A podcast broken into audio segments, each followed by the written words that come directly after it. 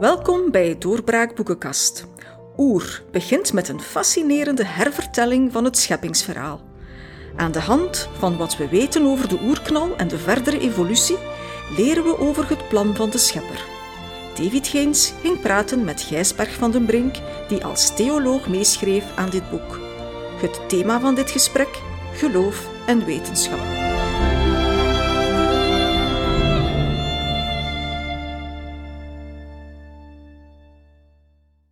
Welkom beste luisteraar bij een nieuwe aflevering. Ik ben uw gastheer David Geens en mijn gast vandaag is Gijsbrecht van, uh, Gijsbert van den Brink. Hij is uh, hoogleraar theologie en wetenschap aan de Vrije Universiteit in Amsterdam en heeft uh, al meerdere werken geschreven. En vandaag hebben we het over een van zijn meest recente gepubliceerde boeken, Oer. welkom meneer van, van den Brink. Dank u wel. Ehm, als we even naar dit boek kijken, zou u even kort kunnen zeggen waar het, uh, waar het over gaat? Ja, uh, het heet dus Oer. Het, het, ondertitel is Het grote verhaal van nul tot nu. Uh, het is een poging om de geschiedenis van het universum te verbinden aan de geschiedenis zoals um, die in de Bijbel, de Heilige Schrift van de christenen, wordt verteld. Dus het is een uh, boek met een wat dubbel karakter. Het uh, vertelt uh, in een fictieve setting, vanuit het gezichtspunt van een heel klein subatomair deeltje, dat we proton noemen. Um, hoe het universum ontstaan is, wat er allemaal zich heeft afgespeeld in de eerste seconde, maar ook in al die miljarden jaren daarna. tot aan het moment dat dat proton um, ergens op aarde terechtkomt en verzeild raakt in de gebeurtenissen in Israël rond het begin van de jaartelling. En uh, van daaruit uh, ziet hoe uh, het christendom zich ontwikkelt. Is het dan de bedoeling geweest om de wetenschap en, en meer bepaald Darwinistisch idee te gaan vermengen met het christelijk ontstaansidee? Ja, het is dus zo dat er een um, soort idee leeft, zowel um, in seculiere kring als ook bij christenen, dat die twee verhalen elkaar uitsluiten. Hè? Dus dat ofwel je accepteert uh, kosmologische evolutie en biologische evolutie, neodarwinisme, zoals u dat noemt. Uh, en dan kan je dus niet meer met het geloof uit de voeten. Dan heb je uh, verhalen als die in Genesis staan, die heb je dan niet meer nodig.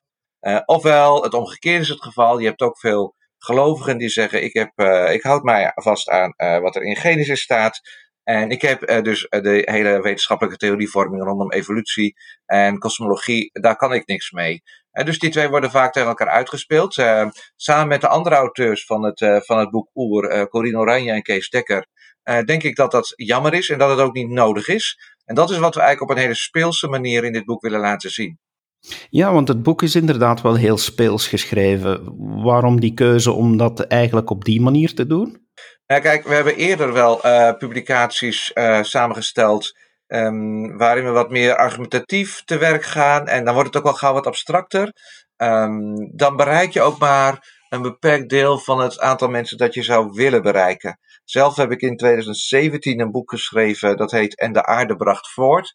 Um, waar ik echt geprobeerd heb ook op een wetenschappelijke manier verantwoording af te leggen van uh, mijn idee dat je uh, christelijk geloof en evolutie heel goed samen kunt denken. Um, maar ik kreeg vaak terug dat dat best wel uh, voor veel mensen een pittig boek was en zo. Dus toen hebben we samen met een paar andere mensen die hiermee bezig waren, uh, Kees Dekker als nanobioloog en Corinne Oranje als schrijfster, als auteur, hebben we bedacht dat het goed zou zijn om ja, iets meer in de narratieve sfeer te doen, waardoor ook groepen mensen die um, normaal snel afhaken bij abstracte literatuur, toch ook in elk geval kunnen snappen waar het over gaat. En ook, uh, zeg maar, ja, de, de, de, de draad prima kunnen volgen. Ja, want uiteindelijk in het boek wordt uh, een aantal keer gezegd, of min of meer de zinsnede gegeven, omdat de schepper het zo wil dat is weinig of niet verder uitgediept, maar dat was dan ook niet de bedoeling. Nee, dat, dus we gaan geen godsargument ontwikkelen in dit boek, uh, of andere dingen proberen aan te tonen of te bewijzen. Uh, maar we proberen gewoon te vertellen. Het betekent ook wel dat natuurlijk zowel die kosmologie als die theologie houdt ergens iets oppervlakkigs. Ik snap wat u zegt als u zegt, ja, jullie uh, introduceren zo'n schepper zonder meer, alsof het vanzelfsprekend is. Ehm, dat klopt ook wel, omdat we gewoon niet alles kunnen doen. En ehm, ook niet alles wilden doen. Maar in dit, in dit boekje vooral wilde laten zien dat die ehm, twee samen kunnen gaan. Hè? Dus dat het uh, verhaal van het geloof uh, en dat van de wetenschap um, uh, zeg maar één, als één groot verhaal verteld kunnen worden. Dat is natuurlijk een van uw stokpaardjes, neem ik aan, als ik ook zie wat u allemaal al geschreven hebt en wat u uh, ja, bestudeert uh, als theoloog en als professor aan de universiteit. Vindt u dat een moeilijk onderwerp om wetenschap en geloof in overeenstemming te brengen? Ja, dat is inderdaad niet altijd eenvoudig. Dat, uh, dus dus, dus ik, ik, ik heb daar wel uh, veel energie in gestoken om de vraagstukken die eronder liggen uh, zo goed mogelijk te doordenken. Voor mij is het dan belangrijk dat ik me niet met een leien dakje ervan afmaak door um, wel eerst heel goed me te informeren, te laten informeren over wat die wetenschappelijke theorievorming dan precies inhoudt. dat is natuurlijk voor een deel ook abstract en, en complex. En daar, bestaan ook veel karikaturen van. Uh, daar moet je allemaal doorheen. En um, dan moet je kijken hoe die theorievorming zoals die er daadwerkelijk uitziet. Hè, dus bijvoorbeeld, wat heeft Darwin dan precies laten zien? En wat wordt in het voetspoor van Darwin vandaag over evolutie uh, betoogd? En hoe verhoudt dat zich dan weer tot niet alleen de eerste hoofdstukken van Genesis, maar meer in het algemeen tot wat het christelijk geloof de eeuwen door uh, betoogd heeft? Uh, en dan doet zich dus de vraag voor hoe kunnen die twee uh, samen gedacht worden. Dus dan uh, gaat het over vragen als als de mens uit de dieren voortkomt, kan de mens dan tegelijkertijd ook nog naar het beeld van God geschapen zijn, hè, zoals Genesis zegt. Nou ja, wij denken dat dat dus elkaar niet hoeft uit te sluiten. maar ook evolutie maakt bijvoorbeeld gebruik van toevalsprocessen. Hè, dus um, wat dan heet willekeurige mutaties, waar de natuurlijke selectie op ingrijpt. Um, ja, als dat toeval regeert, uh, kan je dan ook wel geloven dat er tegelijkertijd een uh, God is die uh, de dingen leidt. Ook dat wordt heel vaak tegen elkaar uitgespeeld en ook daarvan um, laat ik in mijn eerdere boek zien dat dat samen kan gaan. En in dit boekje Oer laten we zien hoe dat dan in de praktijk eruit kan zien. Dus op die manier proberen we de, ja, de verschillende um, probleemstellingen die zich voordoen, um, ja, te doordenken. Maar dat, dat doordenken gebeurt in dit boekje op een wat speelsere narratieve manier. Hè. Dus we, we, we geven niet alle verantwoordingen. Aan het eind hebben we wel een trialoog toegevoegd. Dus een kleine verantwoording van waarom we zo te werk gegaan zijn. Uh, maar uh, dat, dat is het dan ook wat betreft dit, dit boek. Hoe gaat u er als theoloog mee om dat eigenlijk degenen die, ja, die, die weigeren om uh, vanuit een seculier denken hè, toch minstens de mogelijkheid te overwegen om die samen te laten gaan? Hoe gaat u er dan mee om om uh, die mensen een antwoord te geven en hen toch even te laten nadenken dat het uh, misschien twee visies zijn op dezelfde waarheid? Ja, ja, ja, inderdaad. Dat, uh, dat proberen we inderdaad te doen. Kijk, mensen uit de seculiere hoek, daar, die zijn ook niet allemaal hetzelfde. Hè? Daar zitten ook hele verschillende mensen tussen. Je hebt militante atheïsten van het type ja, Richard Dawkins en Daniel Dennett, uh, zogeheten New Atheists. Ja, die gaan we natuurlijk niet overtuigen, want die hebben hun hakken al lang in het zand gezet. Um, je hebt ook uh, vriendelijke atheïsten, zal ik maar zeggen, zo worden ze ook wel genoemd. Friendly atheists, die um, wat meer openstaan voor de mogelijkheid om geloof en wetenschap samen te denken. Um, die zouden misschien wel kunnen bereiken. En je hebt ook mensen die denken in termen van onafhankelijkheid. En die zeggen: oké, we kunnen wel zien dat dat twee belangrijke verhalen zijn. Een um, wetenschappelijk perspectief en een geloofsperspectief. Maar zeggen zij: ga die twee alsjeblieft niet met elkaar vermengen. En dat horen we ook wel terug in sommige reacties. De, de, dus die, uh, die, die reactie horen we ook wel van sommigen. Overigens kunnen dat ook gelovigen zijn die dat zeggen. Hè, van haal ze alsjeblieft uit elkaar. In plaats van ze samen tot één groot verhaal te maken. Denkt u dan dat uh, het eigenlijk een, een goed idee is om op dit moment te zeggen van kijk, die twee verhalen die, die hoeven elkaar niet uit te sluiten in de zin van dat een wetenschappelijke benadering eigenlijk meer een antwoord geeft over hoe bepaalde dingen gebeuren en dat het godsdienstelijk stuk eigenlijk meer een antwoord geeft op waarom de dingen zo gebeuren? Ja. ja, voor een groot deel kan je uh, met die onderscheidingen, uh, daar kan je een heel eind mee komen in elk geval. Hè? Dus ik denk zelf ook dat uh, de, bijvoorbeeld de eerste hoofdstukken van Genesis die vertellen ehm, dat deze wereld, dit universum niet een kwestie van toeval is, maar dat daar een goede schepper achter zit. Maar hoe die schepper dan precies te werk gegaan is, ja, dat, daarvoor moet je niet in de Bijbel zijn, zo 1, 2, 3. dat is het verhaal wat de wetenschap vertelt dus die, dat onderscheid tussen uh, waarom uh, als domein, de waarom-vraag als het domein van levensbeschouwing en religie en de hoe-vraag als het domein van de wetenschap, um, dat werkt een heel eind, zeg maar. Ja. Uh, je lost er ook weer niet alles mee op. soms moet je erkennen dat ook in, ehm, in, in het geloof het precies komt, dat ook de hoe-vraag ook wel aan de orde is. En soms stuit de wetenschap ook op de waarom-vraag. Dus ze raken elkaar op een bepaalde manier. En juist daar wordt het, uh, wordt het spannend. Waar liggen dan voor u de, de interessantste domeinen die u momenteel bestudeert?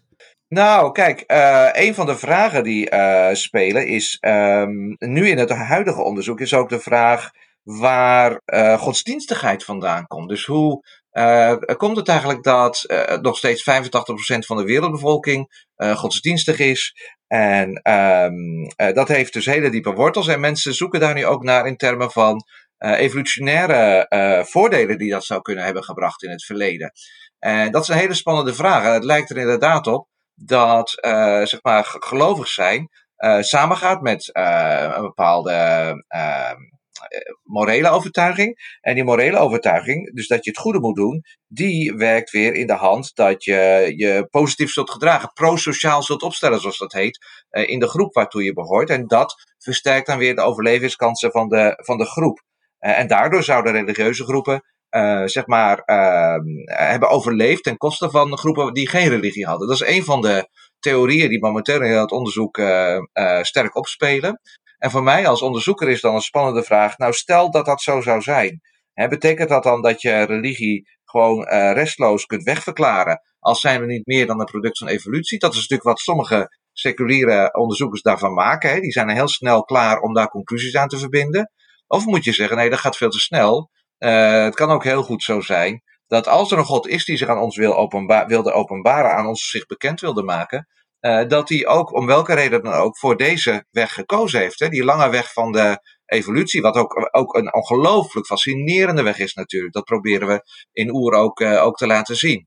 Hoe bent u zelf tot, uh, tot eigenlijk de combinatie van die twee aspecten gekomen. Want eh, voor velen is dat, eh, is dat niet evident. Van veel mensen die inderdaad eh, wetenschappelijk bezig zijn, die, die gaan per definitie uit van oh, geloof, daar moet ik een beetje van afblijven. Er zijn ook spijtig genoeg gelovigen die dan zeggen van oh, met de wetenschap moet je heel voorzichtig zijn.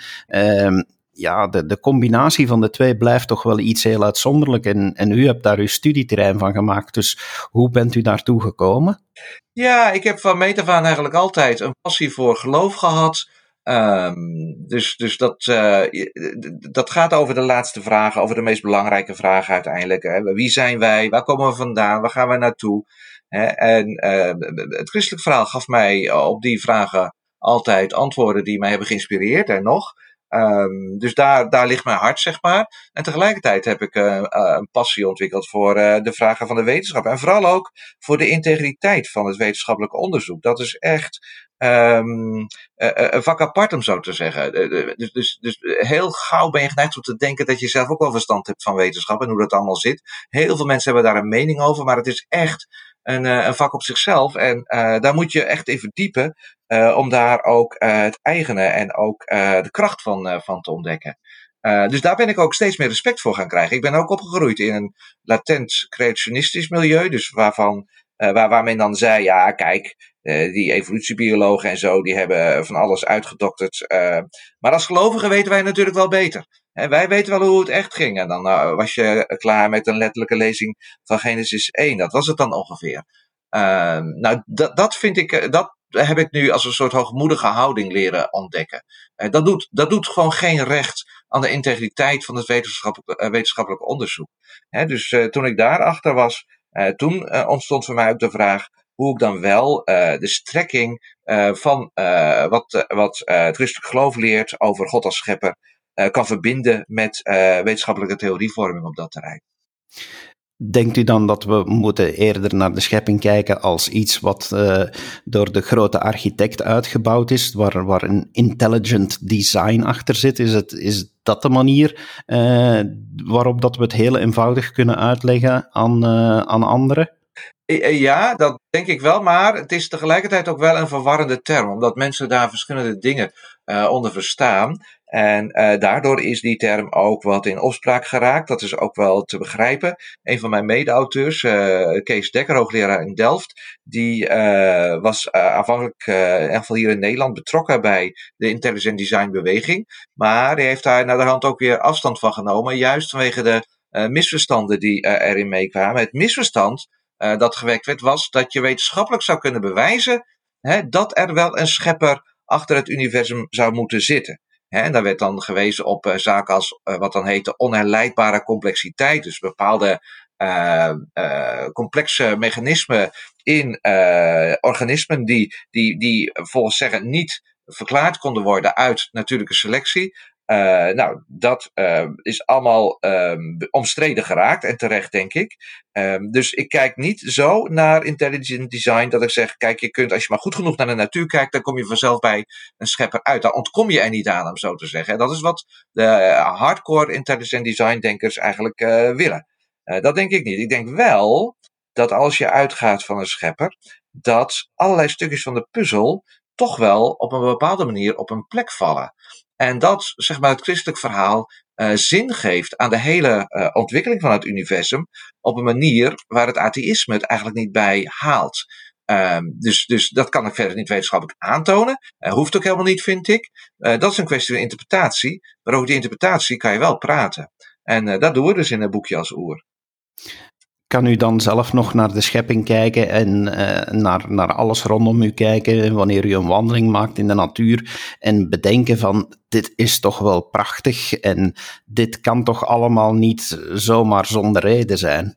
Ja, ja dat, heb ik, uh, dat heb ik inderdaad nog wel van tijd tot tijd. Dus dat is een heel rudimentair uh, gevoel dat je als je uh, in een uh, bijvoorbeeld streek van, van bijzondere schoonheid loopt, dat dat zich uh, spontaan aan je opdringt. Um, dus ik, ik wil er ook weer niet te veel aan ophangen, want ik weet dat er in de natuur ook enorm veel gruwelijkheid voorkomt. Hè? dus je moet er ook heel voorzichtig mee zijn met die primaire ervaring, om die heel erg belangrijk te maken. Maar ze is er wel en ze mag er ook zijn. En ze heeft dus ook iets legitiems, denk ik nog steeds. Ja, dus er zijn uh, tafereelen die zo fascinerend zijn, uh, dat ze je spontaan onder de indruk brengen van de uh, glorie van de schepper. Dat denk, dat denk ik nog steeds wel, ja.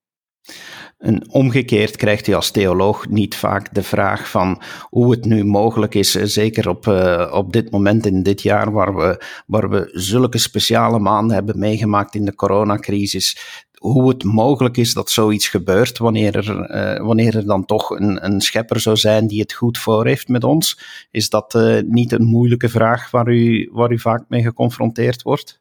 Ja, zeker. Die, die vraag krijgen we natuurlijk uh, vaak te horen. Leeft ook bij onszelf. Is ook geen makkelijke vraag. Al moet ik zeggen, ik denk dan soms wel wat is er met jou aan de hand als je die vraag nu pas stelt? Hè? had je nou echt de coronacrisis nodig om de vraag naar het probleem van het kwaad te ontdekken? Uh, had je die vraag ook niet kunnen stellen toen je buurman kanker kreeg hè, of uh, iemand verderop in de straat verongelukte? Hè, er zijn zoveel eerdere aanleidingen om de vraag naar het, het, probleem van het kwaad en het lijden te stellen. Um, dat ik het wat wonderlijk vind wanneer de coronacrisis daar nu voor aangegrepen wordt. Ik bedoel, ik snap dat de coronacrisis die vraag weer oproept en misschien ook weer verergert en zo. Um, maar er zijn toch, eh, toch wel wat meer dingen gebeurd in de geschiedenis die ons daarover aan het denken hadden kunnen zetten, zou ik zeggen. Als we even teruggaan naar, eh, naar het boek Oer, eh, toch de reden waarom we elkaar vandaag praten. Welke feedback krijgt u momenteel? Welke commentaren hebt u al op gekregen op het boek? Ja, leuke vraag. Ja, nou heel verschillend eigenlijk. Um, dus uh, sommigen zijn echt heel enthousiast. Uh, sommige mensen zeggen we uh, zien hier op een hele creatieve manier ehm, ehm, een poging gestald te krijgen om geloof en wetenschap op een overtuigende manier samen te denken. Sommigen zeggen we, we, horen, we lezen nu voor het eerst ook het verhaal van het evangelie weer anders. Dat komt er toch weer anders uit te zien wanneer je het verbindt met de geschiedenis van het universum. En men zegt, men zegt dan, kijk, eh, God is nog veel groter dan ik ooit had gedacht. zijn de reacties die wij bijvoorbeeld met name uit kringen van gelovigen krijgen. Ook uit seculiere kringen zijn de reacties uh, best positief. Hè? Dus Robert Dijkgraaf, hoogleraar natuurkunde in Princeton, die zegt dit aansprekende boek past in een lange, rijke traditie. Waarin wetenschappers door hun geloof gedreven de oorsprong en de evolutie van het heelal proberen te duiden. Dus um, uh, ook, ook, ook seculiere mensen kunnen dit best wel plaatsen. Maar daarnaast zijn er ook kritische reacties. Um, dat zijn dan bijvoorbeeld uit seculiere kring dat men zegt: ja, kijk, dit is toch wel erg um, eenvoudig geschreven allemaal. dat is ook zo. We hebben geprobeerd om zo breed mogelijk de doelgroep met het boek te bereiken. Juist omdat dat vaak niet gebeurt als het over deze vragen gaat. Ja, dat het allemaal wat simpel overkomt, dat snappen we dan ook wel, maar dat vinden we ook niet erg. Um, er zit wel heel veel denkwerk onder. En uit, er zijn ook kringen, dan moet je met name denken aan orthodox-protestante kringen hier in Nederland, die kritisch zijn omdat men zegt, ja, op deze manier um, houd je uitverkoop van geloofswaarheden. Hè? Dus men hecht dan toch echt wel aan een letterlijke lezing van uh, de eerste hoofdstukken van de Bijbel. En men zegt, kijk, deze auteurs uh, proberen het voor te doen alsof je evengoed wel gelovig uh, kunt blijven als je de hele evolutietheorie aan boord neemt. En daar zijn zij heel erg op tegen. Dus we krijgen vanuit die hoek ook wel kritische reacties, maar die hadden we ook wel verwacht. Ja, die kan ik ook ergens wel begrijpen, want ik moet toegeven van, uh, dat als ik het boek gelezen heb, dat ik vond, ik vond het eigenlijk heel interessant om het te lezen en, en inderdaad uh, de makkelijkheid waarmee het leest, maar je, je, kan ook, uh, je kan het ook bekijken als van, hé, hey, nu ben ik getriggerd en nu wil ik toch echt wel iets dieper gaan, want uiteindelijk dit geeft, zoals je zelf al eerder in dit gesprek aangaf, dit geeft weinig verklaring bij sommige onderdelen voor zo iemand die, die dat dan zegt, naar wat verwijst u dan verder? Naar, naar een van uw vorige boeken bijvoorbeeld? Zegt u dan van, kijk, ja, wat dat ik vroeger al heb geschreven, daar ga je, daar ga je dan verder en dieper kunnen op instuderen? Ja, ja dus er is uh, zeker ook wel meer materiaal hoor. Ik bedoel, uh, zeker in de Verenigde Staten wordt hier veel en vaak over geschreven. ook in Engeland wel. Er, is, er is echt wel, uh, wel meer materiaal. Ik beweeg me wat dat betreft ook in een stroom van uh, een bepaalde groep onderzoekers. Dus ik ben echt niet de enige. Um, maar voor mijzelf was dit wel een logisch vervolg op het boek wat ik eerder schreef. Um, en de aarde bracht voort. Uh, Christelijk geloof en evolutie heet dat. En daar probeer ik de onderbouwing te bieden van de keuzes die wij in Oer maken. Dus toen ik dat boek geschreven had, toen zei, zeiden veel mensen: vertel het ons wat simpeler. Um, nu hebben we dat in oer geprobeerd. En nu is de logische vraag: ja, maar wat is nou de wetenschappelijke onderbouwing? He, uh, en dat staat dan weer in dat eerdere boek. Dus in die zin, in mijn eigen biografie, horen die twee boeken op die manier uh, wel bij elkaar. Uh, waarbij ik natuurlijk wel wil onderstrepen dat het boekje Oer niet zozeer, wel mijn idee was, maar niet zozeer mijn product. Maar dat we heel veel te danken hebben gehad aan de, het schrijftalent van Corine Oranje en aan de wetenschappelijke, natuurwetenschappelijke kennis van, van Kees Dekker. Ja, nu die uh, twee co-auteurs uh, vernoemd, uh, hoe, bent u, hoe bent u samen gaan werken? Van waar die keuze om het onder jullie drie te doen? Ja, nou ja, Kees Dekker en ik kwamen elkaar wel tegen op een groep van wetenschappers die dit soort vragen fascinerend vinden. Die graag nadenken over de verhouding tussen wetenschap en levensbeschouwing, geloof, christelijk geloof. En die zochten elkaar één keer in de maand op een vrijdagavond ergens op, een paar jaar geleden. Uh, dus we hadden zo'n groep gevormd om over eh, de vragen van evolutie en geloof na te denken. En uh, dus daar kwamen Kees Dekker en ik elkaar ook tegen. En daar ontstond het idee om te kijken ja, of er iets mogelijk zou zijn in de sfeer van een, een, een, groot, een groot narratief. Zo'n zo, zo big history. Dat is ook een bepaald genre, hè, dat uh, momenteel uh, populair is. Dus er verschijnen wel meer van dit soort boeken die de geschiedenis van nul tot nu willen vertellen. Uh, wij dachten, zou dat nou ook kunnen vanuit een soort, vanuit een christelijk perspectief, met, met meenemen van alles wat we dan wetenschappelijk weten. Dus zo ontstond het idee. Toen hebben we wel tegen elkaar gezegd, ja, um, nou ja, dat kunnen we wel doen, maar daar moeten we ook wel iemand erbij hebben die kan schrijven. En Kees Dekker had eerder een goede ervaring op dat punt met, met Corine Oranje. Zij is kinderboekenschrijfster van huis uit, maar is zich meer en meer ook toe gaan leggen op schrijven voor, voor volwassenen. Dus zij was eigenlijk een ideale partner om dit met ons samen te doen. We denken natuurlijk alle drie ook min of meer soortgelijk over deze vraag, anders lukt het ook niet. Hè, dus we zijn er met z'n drieën eigenlijk steeds heel goed uitgekomen over ja, hoe we dan de knopen op een goede manier konden doorhakken. En uh, van waar de keuze, misschien uh, als een van de laatste vragen, van waar de keuze om het uh, verhaal te vertellen vanuit het oogpunt van een klein proton? Ja, ja, dat was het idee van Kees Dekker en dat was eigenlijk een gouden greep. Want daarmee kan je natuurlijk de hele route van begin tot eind uh, meemaken. Dat, dat proton was erbij op het moment van de, uh, ontstond op het moment van de oerknal. En vanaf het moment dat dat proton ontstaat, kan je het verhaal dus gaan vertellen. en dat proton, die protonen hebben een lange levensduur, dus dat leeft nog steeds door en dat zal ook nog even blijven als wij er niet meer zijn en zo. Um, dus, dus, dus het gaf een prachtige uh, kapstok, om zo te zeggen, aan de hand waarvan je de hele geschiedenis kon ophangen. Natuurlijk moet je dan fictieve elementen inbouwen. De, pro de protonen en neutronen die kunnen ook spreken en zien en denken en zo. Dus het is ook een, fictief verhaal. Maar het is toch wel uh, vanuit het gezichtspunt van uh, die subatomaire deeltjes het verhaal zoals het gegaan zou kunnen zijn. Zo, zo praten wij al graag, graag over. En zo zouden we het ons kunnen voorstellen. Natuurlijk zullen wetenschappelijke ontwikkelingen ook weer doorgaan. En natuurlijk zullen mensen ook op sommige eh, eh, plaatsen misschien andere afwegingen maken. Als het gaat om de weergave van de Bijbel in ons, eh, in ons boekje. Maar dit is wel zoals het volgens ons gegaan zou kunnen zijn. En dat leggen we op die manier graag in het midden.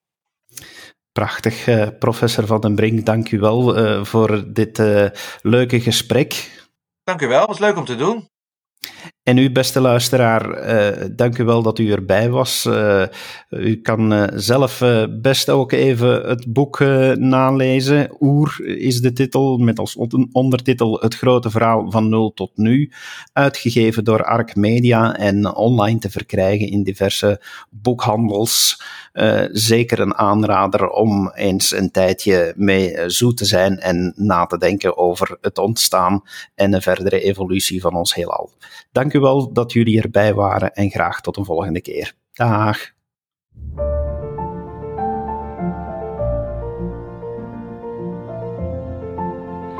Dit was een interview met Hijsberg van den Brink over zijn nieuwste boek Oer, uitgegeven bij Arc Media. U kan dit boek kopen via onze online boekhandel op boeken.doorbraak.be. Productie van deze podcast was in handen van David Geens voor doorbraak.be.